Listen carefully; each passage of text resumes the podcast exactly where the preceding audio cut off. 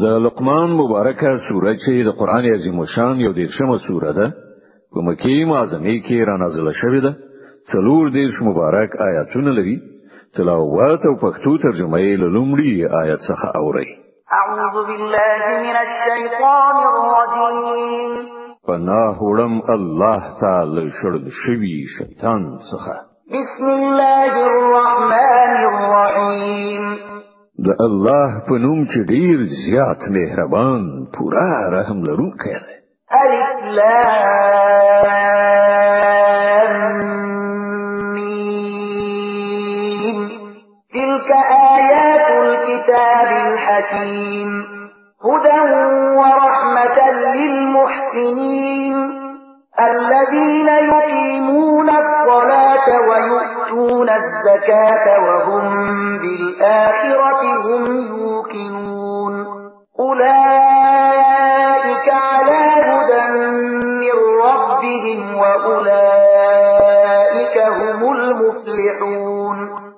الف لام میم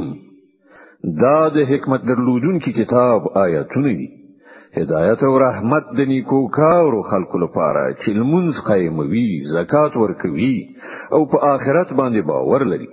هم دغه خلک د خپل پروردگار له لوري په سم لار دي او هم دوی بری موندونکي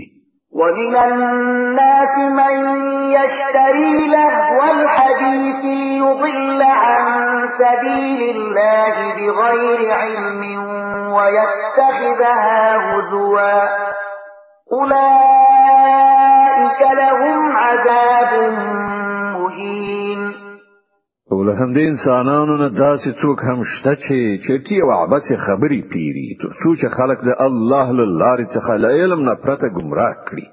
او د دغه لارې په بلنې پورې مسخري وکړي د دغه خلکو لپاره سخت ذلیل کوونکی عذاب دی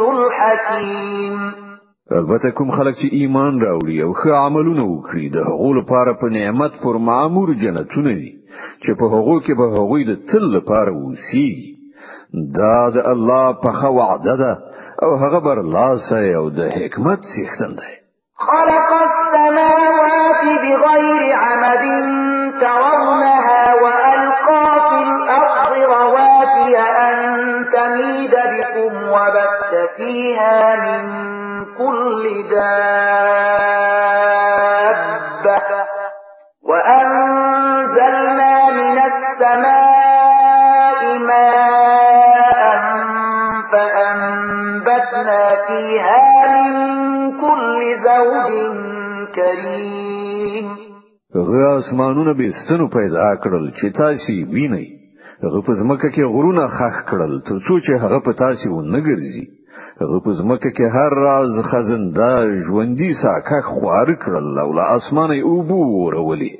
او په ځمکه کې راز راز غوره شیان زرغون کړل هذا خلق الله فأروني ماذا خلق الذين من دونه بل الظالمون في ضلال مبين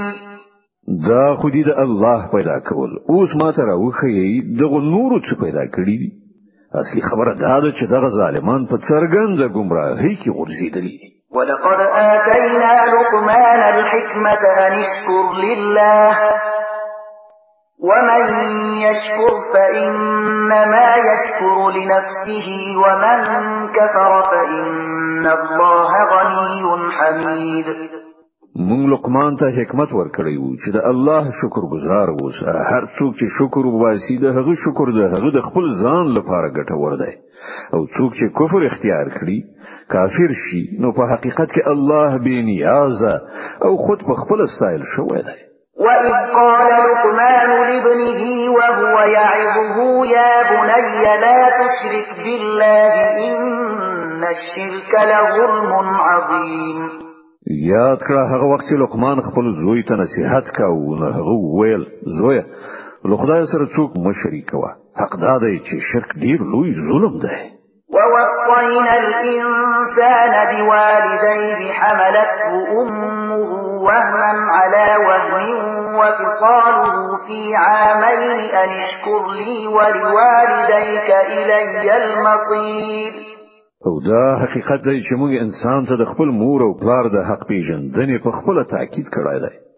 د هغه مور د کمزوري د پاسه کمزوري په حال کې هغه راخیسته په خپل ګیډه کې وسات او دوه کلونه په تی ورکولو ولګیدل له همدې امله مونږ هغه ته نصيحت وکړ چې زما شکر وکړه او د خپل مور او پلار شکر پر ځای کړه همدا زما لوري ته ستاسو راګزیدل دي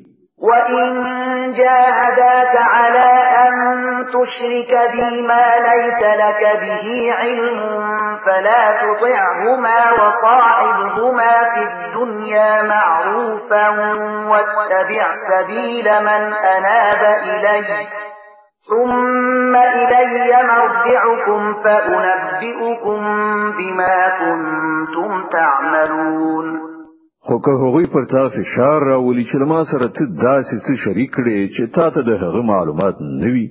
نو د هغو خبره هیڅ کله ممنه په دنیا کې له هغو سره غوړه چارچلن کوه خو پیروي د هغه چا د لارې وکړه چې هغه زمونږ لوري ته رجوع کړي ده بیا ستاسو ټول راګرځیدل همدا زمونږ لوري ته دي په هغه وخت کې به زه تاسو ته دروخم چې تاسو څنګه عمل کوئ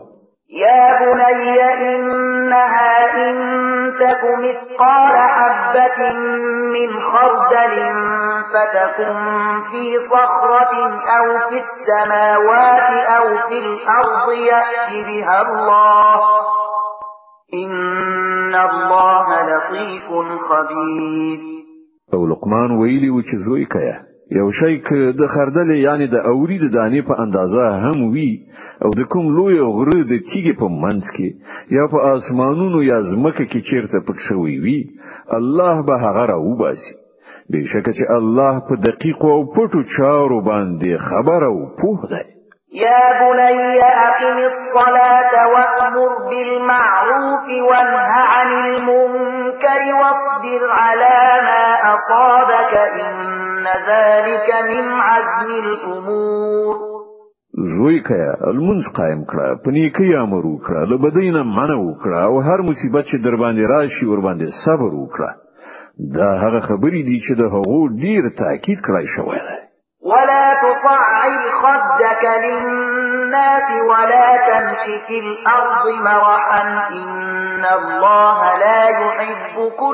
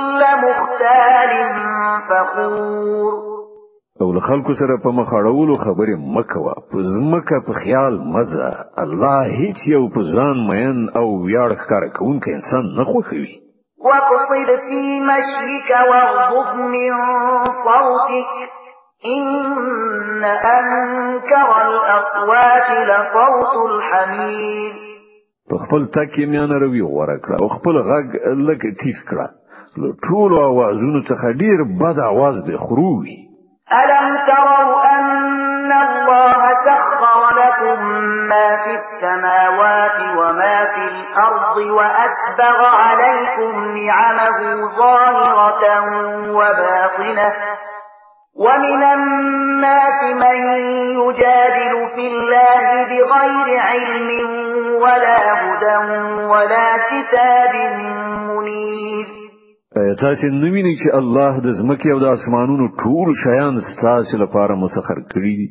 او خپل ښکار او پټ نعمتونه پر تاسو تمام کړی دي خو حال دا دی چې له انسانانو څخه دین خلق دي چې د الله په باب شخړې کوي بیل دي چې له هغوی سره علم وي یا هدایت یا کوم روښنايي خودونکي کتاب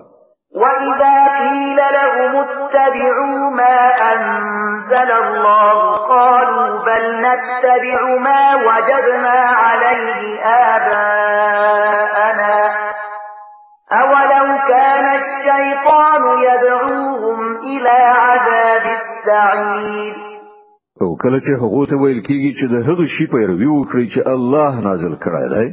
نو وایي چې موږ خو به د هغه شی پیروي کوو چې پر هغه باندې زموږ پلرونو نیکونو عمل کړی دی دوی د همغو پیروي کوي اگر کې شیطان د لمبه وهونکي اور خواته بولی هم ومن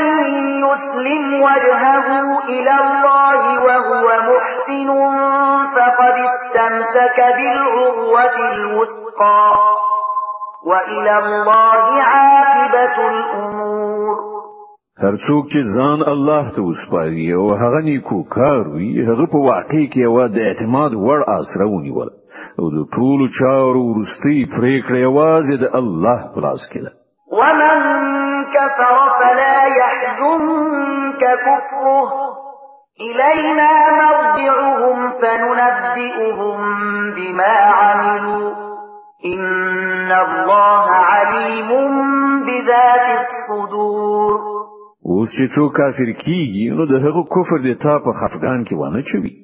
د هغو بیرته راتګ همدا زمون په لوري دی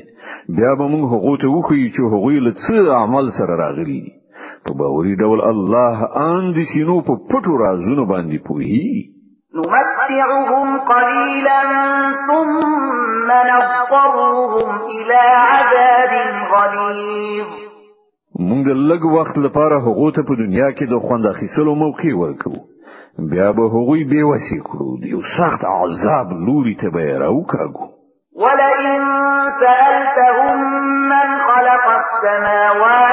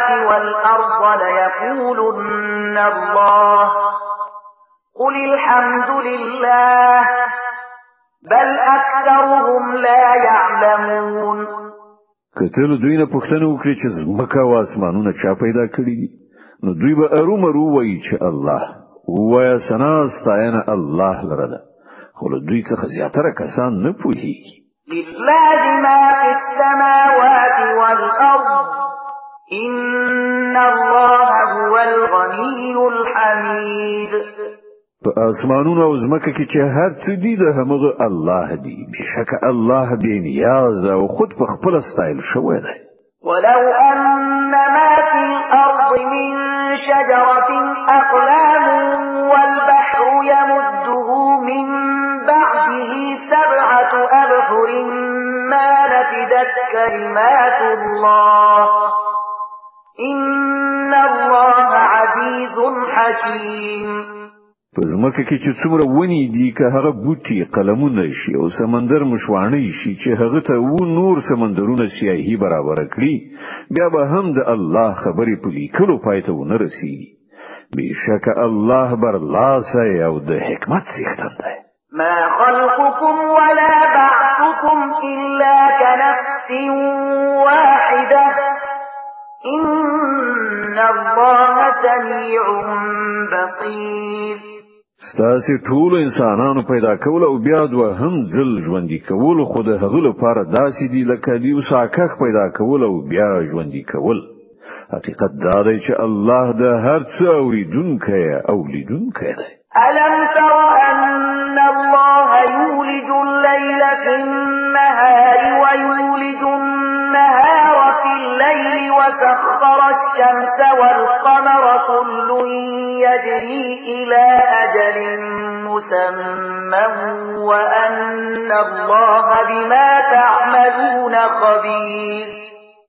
ته نویني چې الله شپه په ورځ کې نغښتي راولي او ورځ په شپه کې غل مر او سپګمې رام کړی دي ټول تر یو ټاکلي وخت پورې روان دي او آیت نه پوهیږي چې هر څه تاسو کوي الله پرې خبر ده ذلك بأن الله هو الحق وأن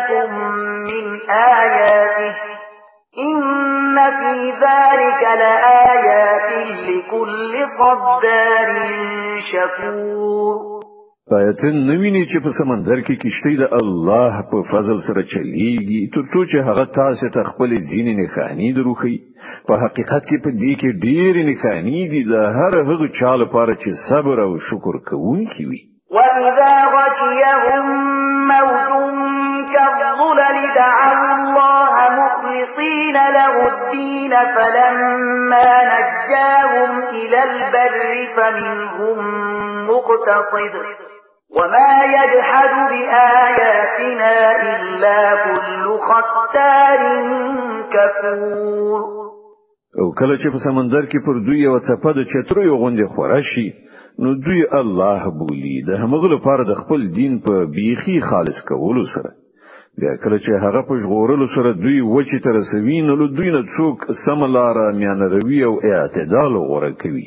او زمونږ له قانون څخه نه منکريږي مګر هغه څوک چې بدلوزي او ناشکر دي يا أيها الناس اتقوا ربكم واخشوا يوما لا يجزي والد عن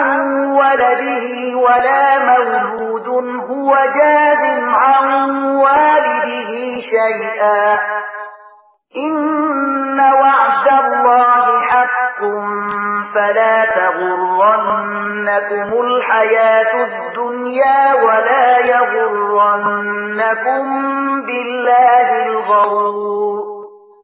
اے خلکو د خپل پروردگار له غضب نه ځان وساتئ او له هغې ورځې نه وویریږئ چې هیڅ کله یو پلار د خپل زوی له خوا بدله ورنکړي او نه به کوم زوی د خپل پلار له خوا څه بدله ورکوونکی وي په واقع کې د الله وعده ریښتینې ده نو د دنیا دغه ژوند تاسو نه غولوي او نه د الله په معاملې کې غولونکی یعنی شیطان تاسو غولوي